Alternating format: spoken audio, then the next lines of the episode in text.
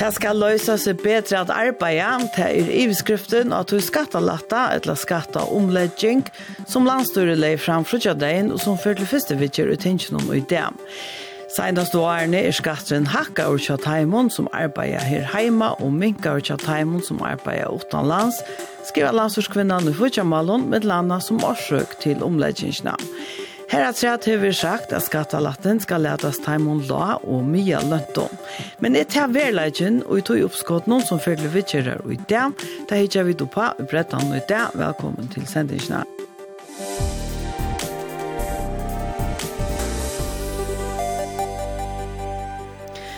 Hvor fer latta og hvor skal rynta, til er den store spurningen som enda lever svære vår nå, skattelatten til samgången er lagt og fram.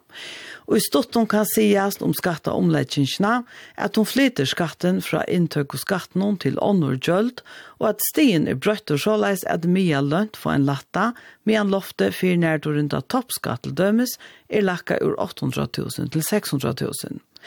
Budskaparfrøyngar frøast, han ånder finnast etstianon, som i større mån gjør taimon i hakre entanon av lønarskalaenon, enn taimon i lakre entanon. Ta gåa vi skatteomleggingen i er at hun flyter skatten fra inntøkeskatten sier formerne budskap av rannon, som bæra hever ett etter innkjøsar, og til meira av det samme. Det ser godt for budskapen at mink om inntøkeskatten og alle tja grønn avgjølt i stein 4, sier fra Magnussen, formerne budskap av rannon. Fra Magnussen, bara Steie Nilsen sier at den her skatta omleggingen, hun venter sosialt skarft. Eh, det er hø og mye heldur enn mye og la lønt som får en skatta latt. Er det rett? Eh, hvis du hikker etter um, tuttleggen av hver familier er i hver baltje i fargen, og du sitter et rockenstikje opp, så, så, så vil jeg med at det at uh, at uh, der nektar fleste familier til å få uh, mer utgåld i skattelatta enn derfor at uh, være i avgjølten. Vi kan tenke døme, Jeg visste nå en, at, at dørene er så mye av familiene som til sammen slum ser man inntrykk på 800 000, det kunne jeg være 500-600, så ligger skattelatten kanskje av landsja, jeg stemmer middelen 12, 13, 14, 1500 kroner her alene, og mer utdragsland til uh, olje og, og dieselbil, hvis du er dieselbil, et eller annet bensin, og orsko anna er kanskje 200 kroner ja? så, så er du idla så ikke at, at, at det ikke får noe borsjord Så det er ikke at man at det er status quo at man misser lukka nek som man fer Nei, det er jeg halde at alle, alle fleste borde finne noe borsjord Men er det rett at det ikke er de som har mest bruk for det som, som får I, alltså blir det inte skatta tekniskt tror jag uh, det var ofta räkna om och kroner snägga kronor du för skattalatta. Troblejen er tann, tar det just upp på tammatan til det att de som plums vinner 100 000 kroner, de betaler lyd jo ikke landskatte, samme en og mån til en som dømes tjener 200 000 eller 300 000, og tog sasta så et latter til de betaler for et landskatt. Tid har haft nek fokus av halvfør i budskapet Er hendan omleggingen gå for halvføre? Ja, hon er god på tammadan at eh, Det som man innskjør, det er at man lakkar om løna skatten, og det er man største nekk herrens år, er, at man ikke stilla stian. Det er at nå byrjar man på en tilgång, kan man stilla stian, det vil eh, mesja til at arbeidsutbøy, utbøy arbeidskraft vekser, ta utbøy arbeidskraft vekser, så i grunntallet for at boskapen kan veksa, så det er sti rett av veien. Så det er man flyter inntøkene fra inntøkskatte til avgjølt er godt. Ja, du er at så først du en større budskapavvekster, du får flere henter, vi synes at det mangler henter her og her, og eh nekva times hon kanskje arbeider nye setta tøy, etla ha mølga til give tøy. Ja, men hvis det løser bedre så gjør man det i større mån. Tid av eisen malt til at man stryker at la serskattaskipaner til gjør man ikke helt her. Er dette godt nok? Nei, ja, nu er det så att säga att i det fast där börjar vi si at det styr rett av veien, vi er feien om man kom til arbeid, men vi kunne huske huxa at att var värma vuggångt så det som man avtog alla särskatta kjipene, så att var jämnt stilla i det rör och skatt. Du så får man et budskap som tillägger seg eh, avhaldende, leibende, og i stedet for at man henger fast i omkron så var killa godt, kanskje at det var sett i versk, men så bygger det upp för att man får nej brøydinger i budskapet. Men vi tar av langt og sjå, men sier Kiberen og Gatørfellet sier at nå får jeg flytta land nå. Hvis man så ikke nærker samståndes. Nei, jeg råkner ikke vi at hese brøydingene som her kommer til at sjå meg flytter land nå, det råkner ikke vi. Det er aldri ikke så store. Det er aldri ikke. Altså opphattene er ikke noe større til at det er flyttet undan? Nei, opphattene er ikke noe større til at det er flyttet undan, det er aldri ikke. Men uh, et som är grejt det här, det uppskottet er ikke 100% futja. Låt vanka sagt, alt skal være futja. Mm Eh, men er det ikke en trobleidje at man ikke hever det 100% fudja? Sjål det er det det. Eh, vi vet ikke at det er fullt og helt fudja, så går skjer alle med innsjøk noen, og vi vet ikke eisen til som man byrjar på her, det skal løs at man framskriver det helt til 8-20, vi vet ikke at det er fullt og helt fudja, tog vi har ikke halvt fra budskap i løtene, så det er sjål det eh, harmelet, men vi oppskått noen her på og som har higget i jøk noen, så har det ikke tidlig fullt og helt hatt for at EU til utlømmes få flere penger om hente, til å vi kommer kanskje bruka mer, til å si så kommer kanskje mer penger inn i, i avgjøldun, et eller annet løms at vi kommer arbeida mer, kanskje, så kommer kanskje mer inn i skattet, til å arbeide mer, til man ikke hatt for Så det kan oppvida, men som utgangsbøy, som utgangsbøy er, så halda vi at alt skal være ødelig oppskott som kommer fram etter, skulle være fullt og halvt fullt. Eit som skal fortsette er reisende tøkkegjøltene, og de har nok så svikkerlig, så gjør det kommer ikke Kan man ikke riskere at uh, man får en troblag her? Jo, troblag som vi tog kjipene her var ved tøkkegjøltene er at uh, man kan si at det er først 250 millioner av, av, av fiskvinne og først 150 av elvene, tar færre en utdatter, altså en større part utdatter på en av veien. Her har vi malt til, at man kører alltid en grunn, og så deler man til en byter man til dem, så vi tutsjo.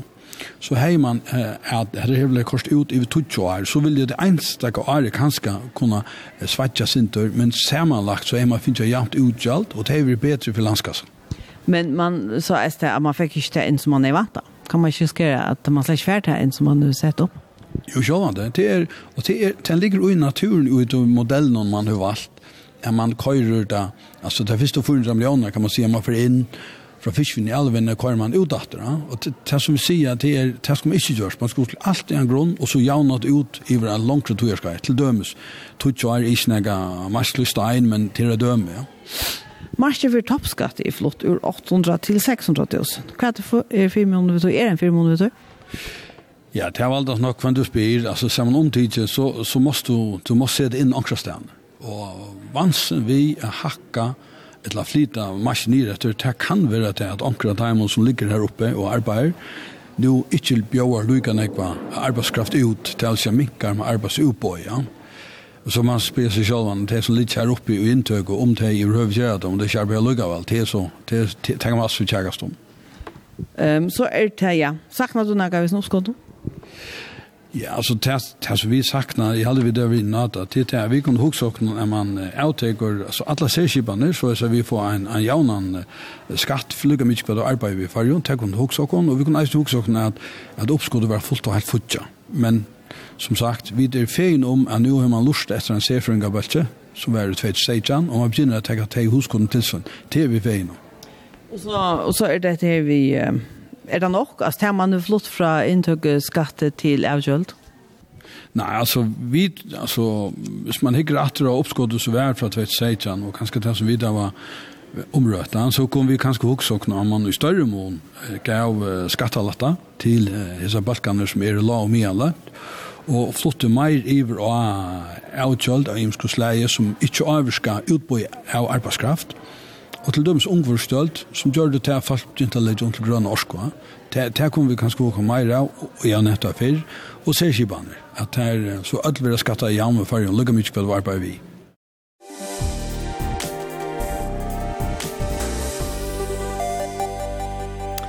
Vi tar då fra Magnussen formann og i Buskaberanon. Og i 2016 sette taverande landsorskvinna i Futja Kristina Hafos, et omfattande skatta nykjøpande arbeid i gongt, Kari Petersen, budskapet var former ved skattanevntene som handlet i Sunna Frakreng i 2016.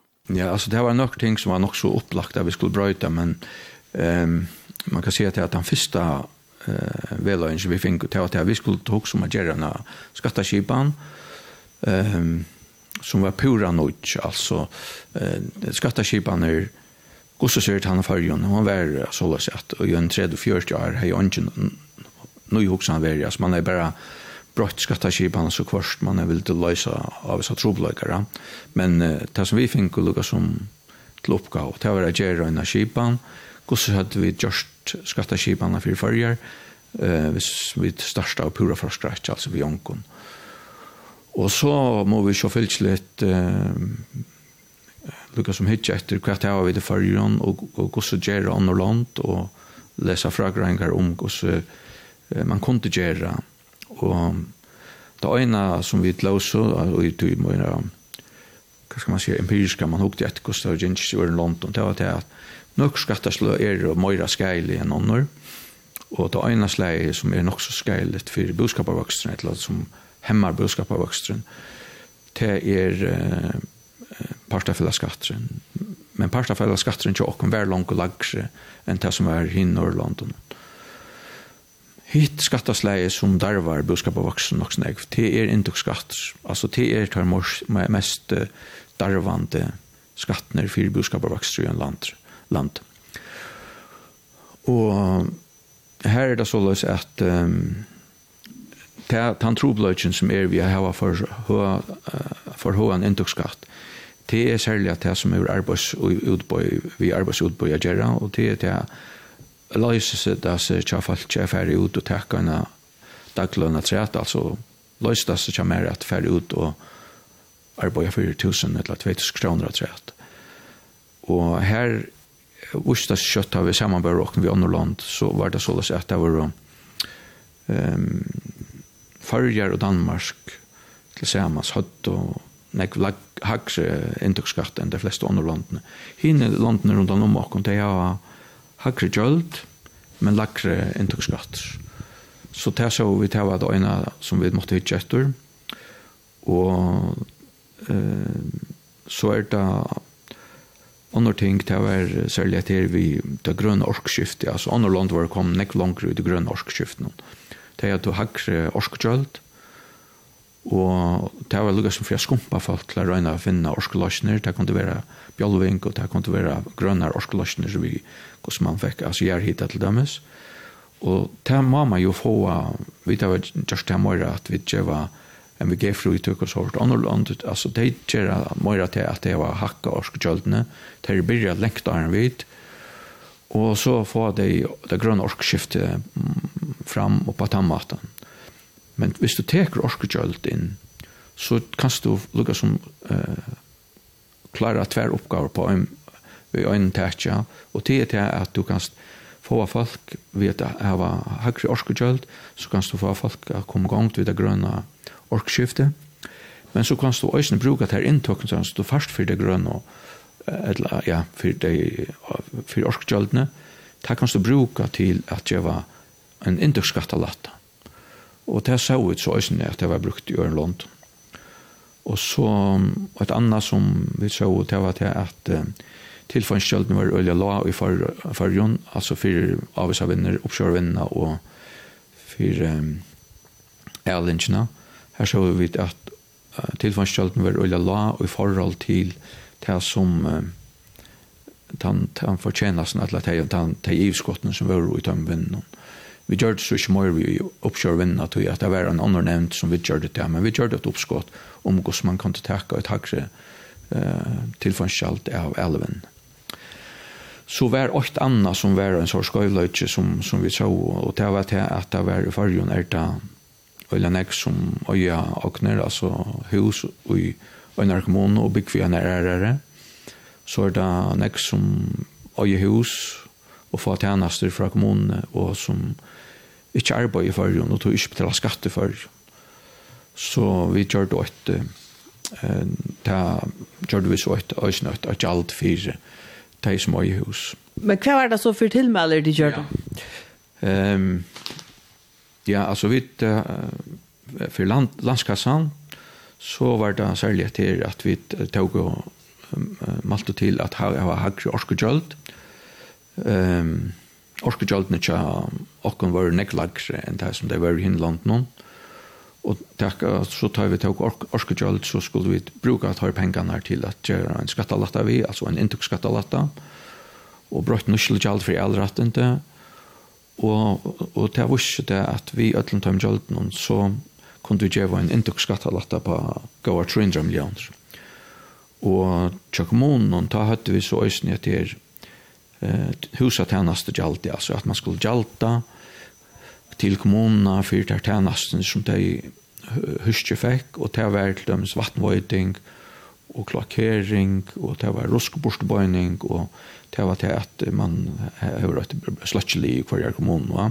Så det er man færre nekra tjeneste, hvis man øyer til hus, så skal det gjøre det samme om du bor her eller ikke, eller om du arbeider i Norra, så skal man betale for det huset. Og det gav oss 200 millioner, og så kunde man bruka tar pengarna som man fikk inn eh, til kommunskatteavlatt. Jeg glemte tvei ting, at vi tar det også til vi at jeg takker sjåmannen fra drotten og eh, utenlands fra drotten. Og til sammen skal jeg ta en skattelatta på en gåva 500 millioner.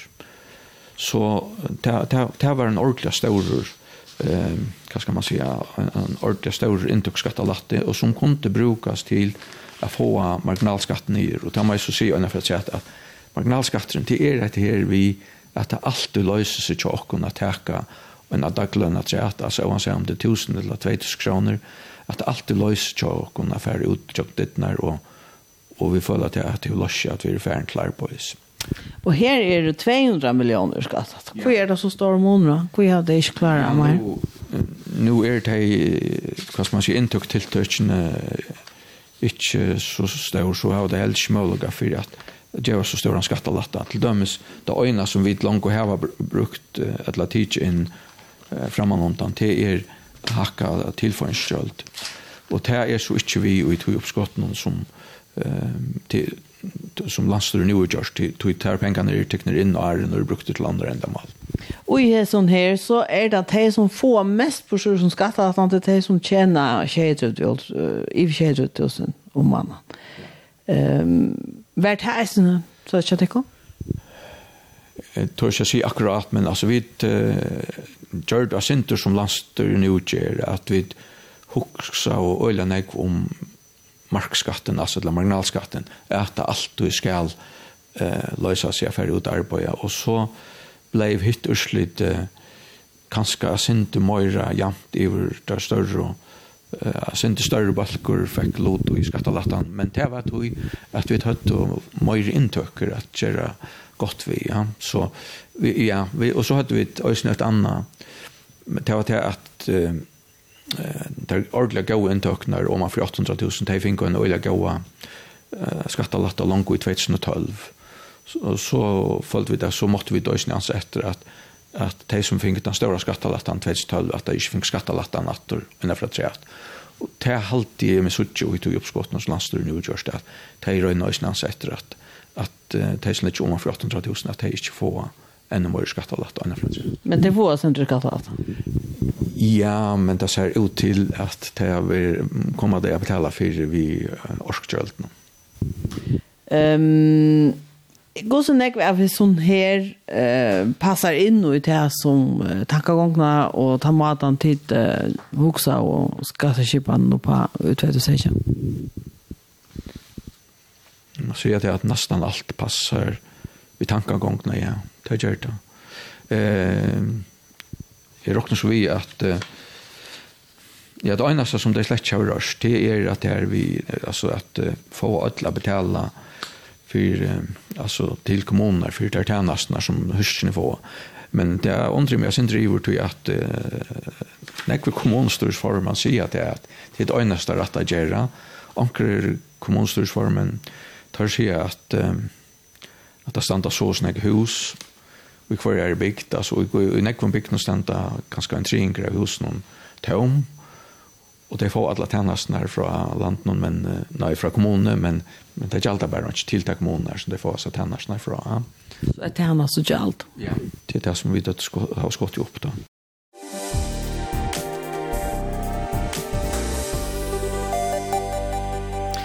Vi tar då Kara Petersen, boskaparfrøying, som var formar i skattanevndene, som handla i Kristino Hafos, en av skattakiparna fra Krank, utveid 2016.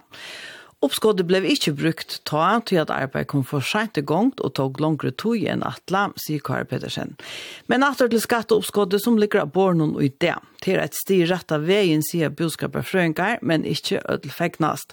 Sonja Jekvann støtter samskipar til samtak, sier at terralimer får løyte og ikke bortstur skattelatan.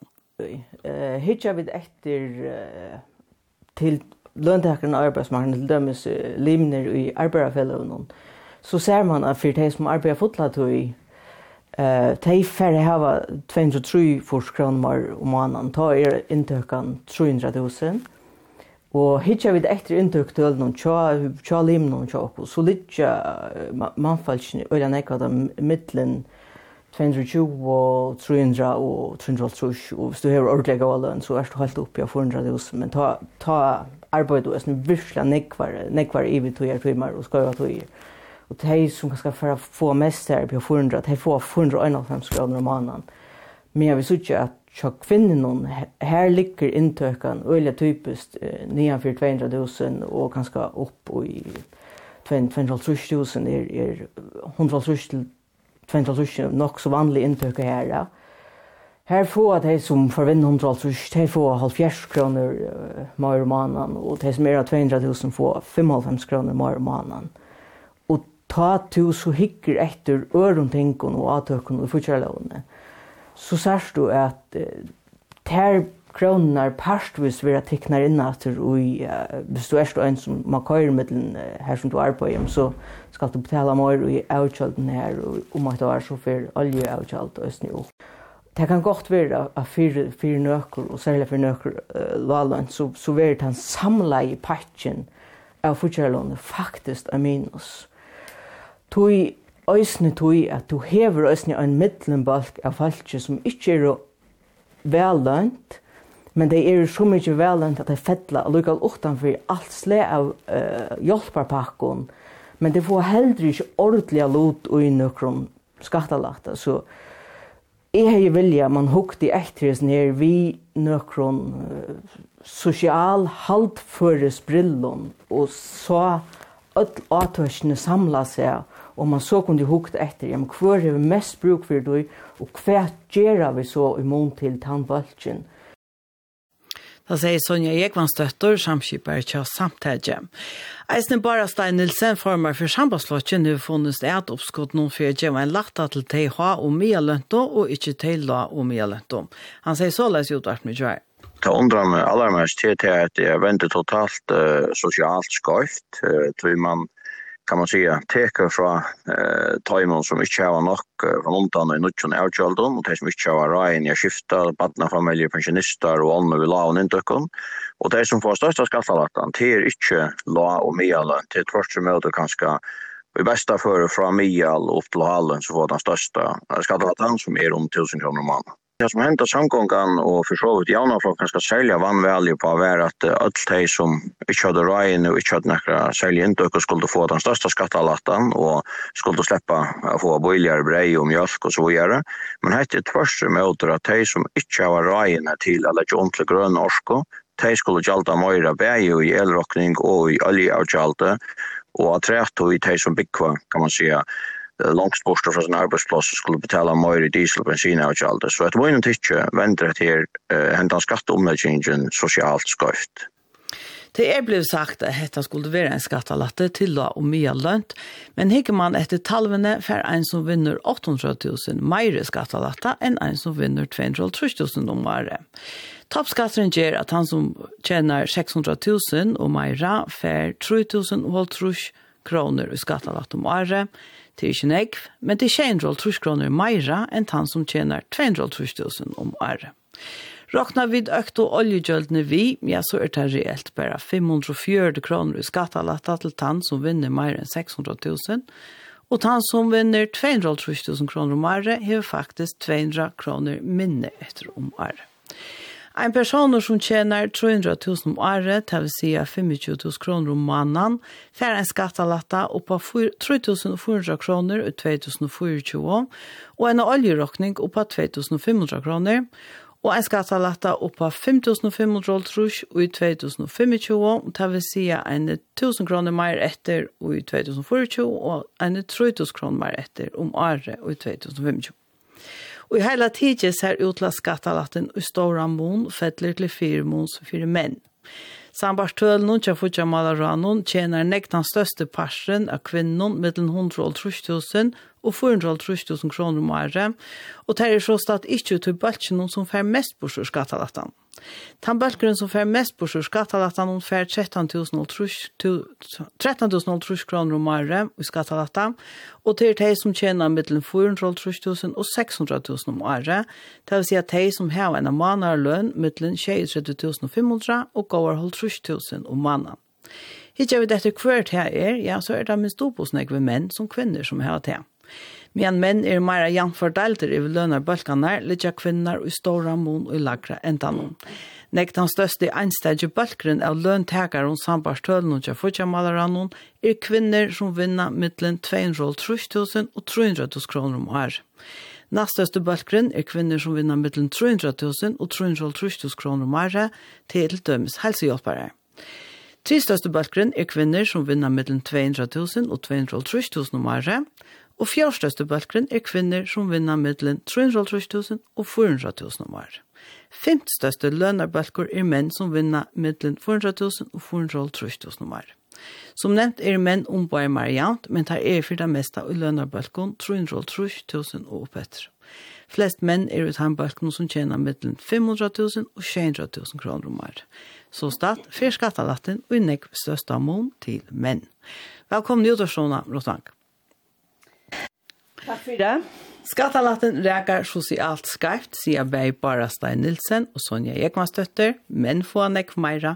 Hva er tikkar endamal vi hesar skatta omlegging? Ja, jeg, jeg, nå er det nekk å påhalt her, og la meg først begynne vi, at da vi tåsa om 2025, da i skattalatten er fullt innfasaver, da ligger en arbeiderlønn av 320 000 kroner. Da har man en skatt, en skatt av latta på 6.500 trus. Hvis man så har en merka som tjener kanskje 200 og, og 3000 kroner, så får han merken en, en skatt av latta på 3.500 trus til samans 20.000 kroner. Ja, da kunne halda opp til enkelt personer i stedet for merker. Ja, men det er månande meira enn en, en, en, en det som man får meira i orske kjølton. Ja Ja, så men det är det som ligger ut i helt låa enda någon få komma att hava mera efter. Och ta du säger att detta räcker alltså för att göra mannen mera än kvinnan så er skjærlig endamalet vi hesar her skatta omleggingsene at lakka marginalskatten. Og vi vita kanningar vysa at det er og særlige kvinner som reagerer oppa hua marginalskatt. Det vil si at det ikkje løyser seg at arbeida meir, ja, men så arbeida kvinner nysetta tog. Og hvis vi tar, så tar hatt for time og lønner hatchingon som lytter for framman, og at ein av årsøkene til at kvinner, det er slett ikke alle årsøkene, men ein årsøk til at kvinner litt lakre i inntøkken, er at de arbeider nye sett av tog. Så det som får få, eller det som får få, Helt stora firmånen av er sånn her er nemlig kvinner som nå arbeider nye sett av tog, her som tar fer av vera nekv hoaligare at arbeida fotla tog. Så enda målet vi skatta omleggingen er å få folk arbeid mer.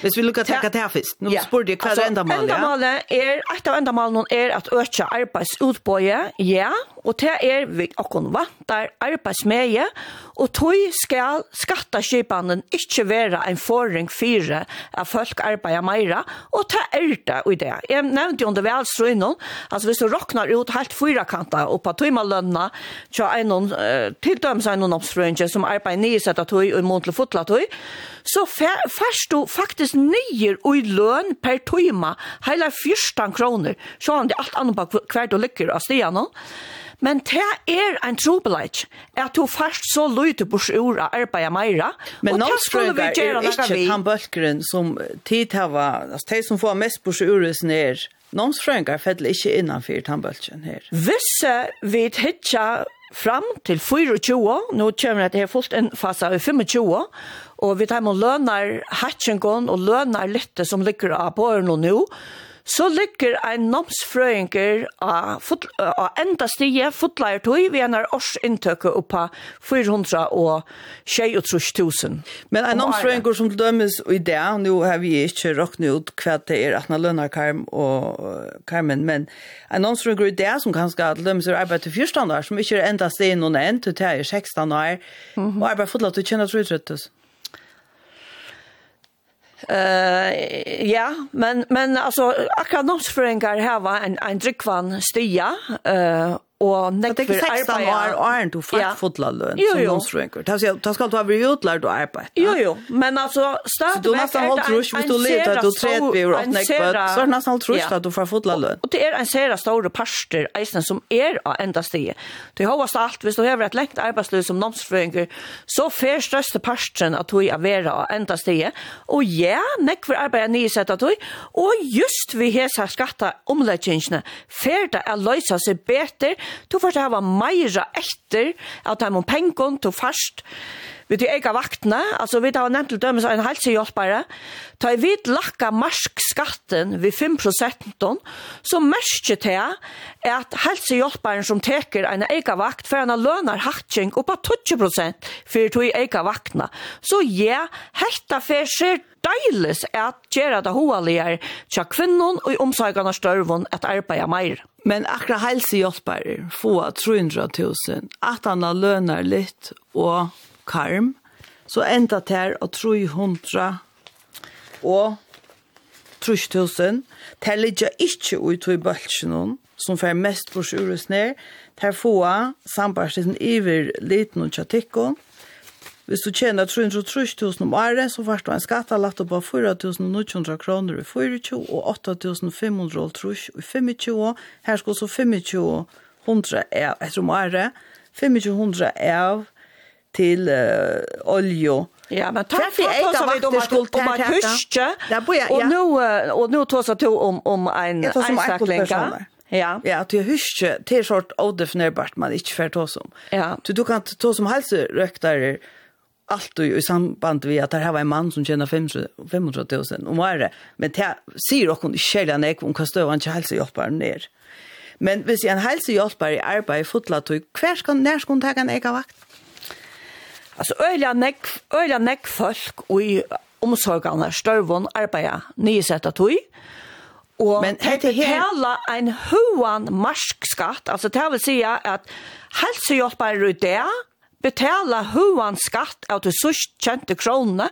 Det är det som vi vil ha bøte om og vi hesner oppskotten, og ta bøter vi dem. Men tid er ikke gjørst oss såleis at helsehjelper og helserøkter omtar for opp fotlatøy er og i tog bølsen som får mest på sjur, nemlig 13 000 og halv trus kroner. Men fyra... Det er akademikerne som får det. Fyra, ikke bare, ikke bare. Vi eisene, eisene, ja, men hvis vi teker lærere, sjukkerøkterfrøyngar, nomsfrøyngar og enda stige fotlatøy, så lytter jeg ødel og i tog bølsen som får mest lønner litt og kar, enda nomsfrøyngar her. Ja, ja, hvis vi, det heter heter, snur seg jo om 2025. Mia lønt få øyelige storan akåa av hesson her skatta lattene.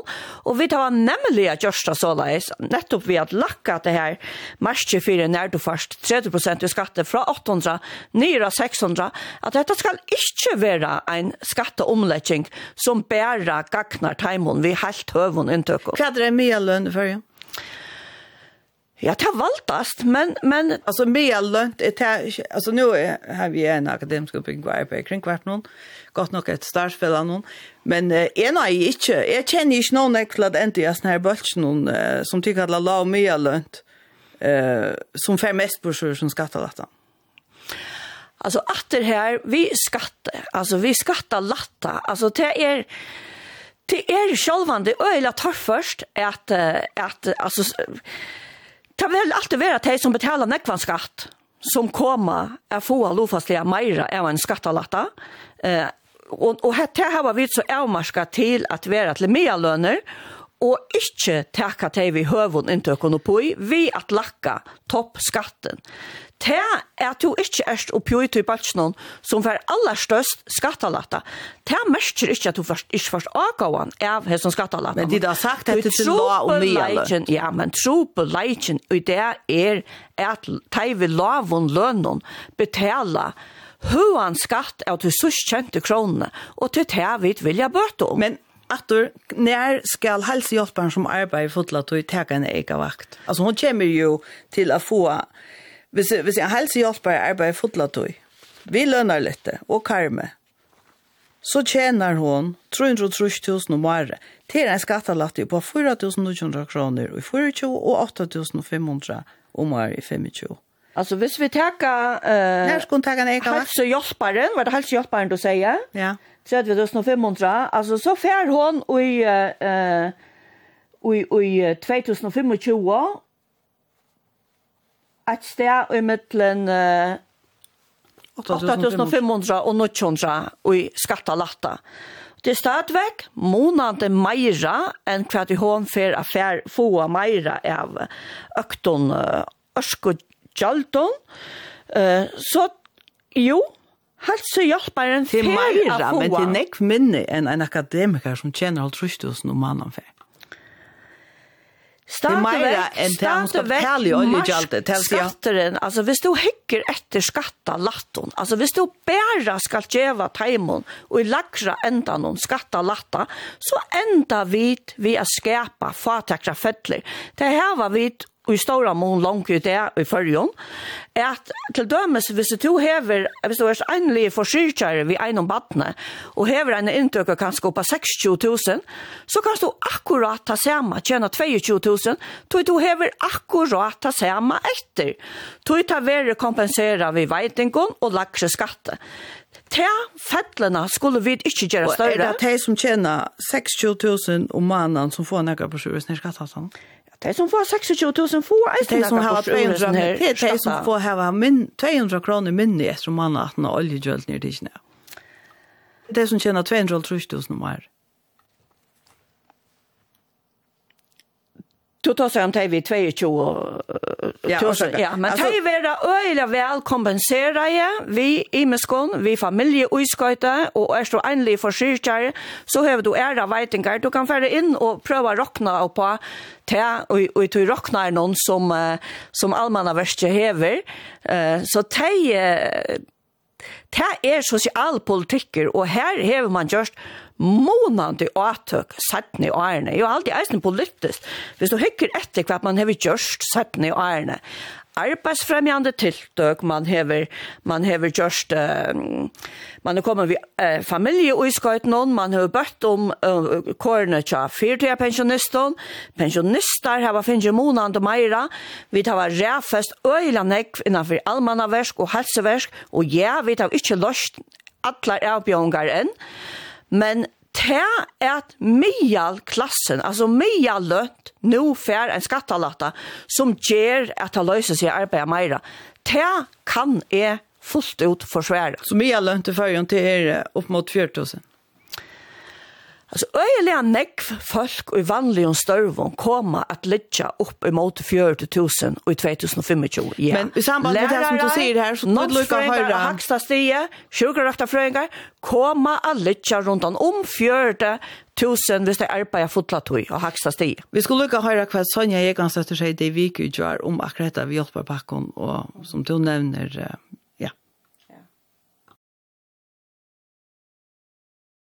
ta du bjöd fram och styra. Ja, men så nöjes du att täcka upp det att vi får faktiskt en större och större part av folken som inte klarar sig. Och här är då mejal och lalöntar badnafamiljer verliga, verliga hardt spärtar i lötning och till bägepör och stök. Och stövan är fullkomliga och halvbär. Och vi sier det, men, men fær ut i samfunnet og hikk, og hikk etter av Facebook. Folk øyer ikke for mæt, litt, og spyrje om mæt. Du hever reia kross som på fra at heva omgang til uh, sånn jeg var vår by om hjelp, og det samme sier er i hjelparfellesskapet. Så støvan er verlig, og, og det er bruk for det, mer enn det som han presenterer på nå. Hakri avgjøl til helsetrykt, olje, sev, Lutta noen kan skatta dette, og jag nu tog här familjen er här spärtar och här inflationspacken går ut 1 januar. Her var det inte en avbyrd av at her er det noe time som inte får en sån här röka.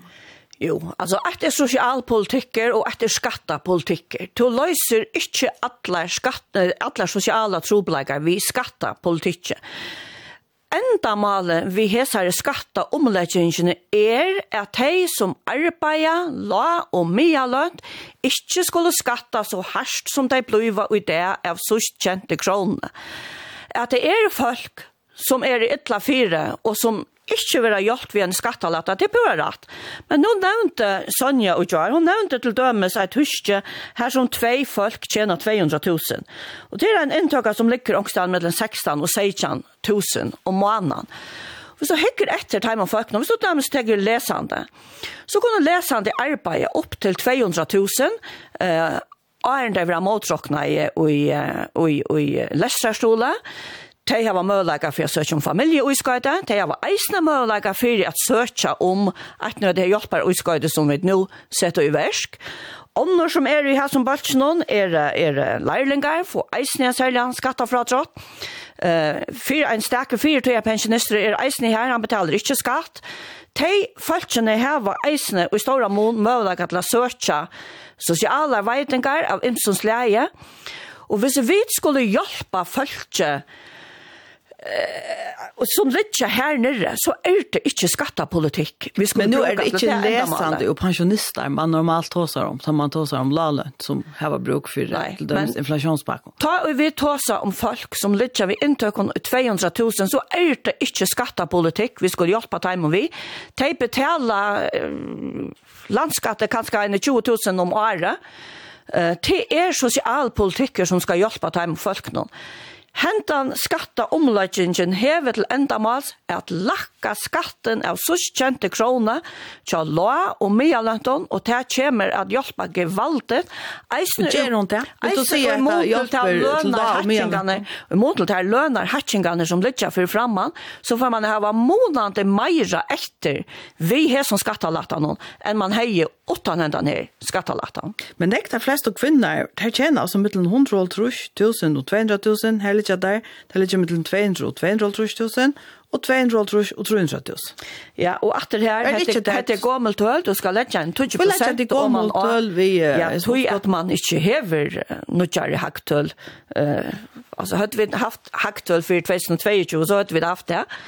Vi själva det hörde vi det. til. Hvis jeg heter höll så och få, ta få temaer, så får det inte sökt om den i stolen. Det er 245 000. Nei, men skatteren minker stekkar til hesum bøltsjene, det er for å løse seg at arbeida meira, og i mån til er at høyer ta i det, folk har vært særlig spært, og hukse om fortsakkreppene, og, og jeg helt at jeg 15, som jo er en, en ordentlig kreppa i mån til det som vi det her var i det, så er det at han helt store fire måneder at det er arbeid til atler henter, og øyelig nekv, ikke ødel, men øyelig nekv huske, heva mølagan fyrir at arbeidet mer.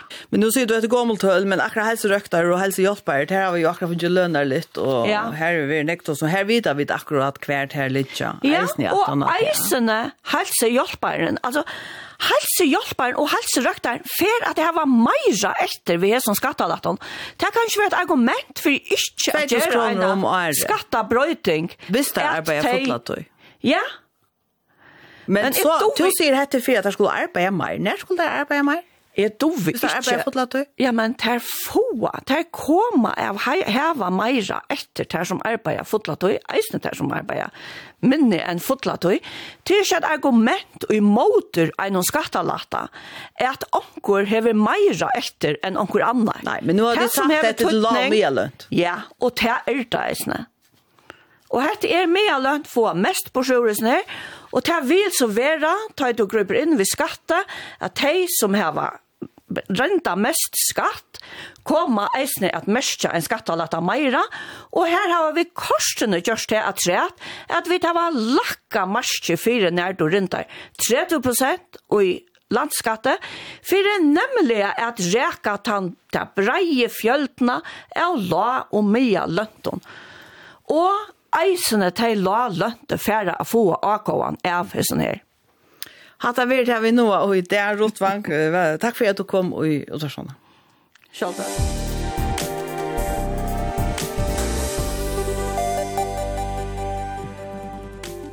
Hetta var det vi tøtt av brettan ut det, og man har løtt over kjentingen tøk som pottvars på hjemme hos jokkara. Brettan vil eisen underkjenter etter tøyndene klokkan 6, med vi mersinger til sendingene, hos god til evne etter prei, send dere et teltepost av brettan kurla kvf.fo. Av brettan redaksjonen i det var Hadler Rena, Elementar Polsen og Maren Dalsgaard som eisen var redaktører. Teknikere var Høgt Fagraberg, og vi vil at vi er nødt til å brette i morgen klokkan 12.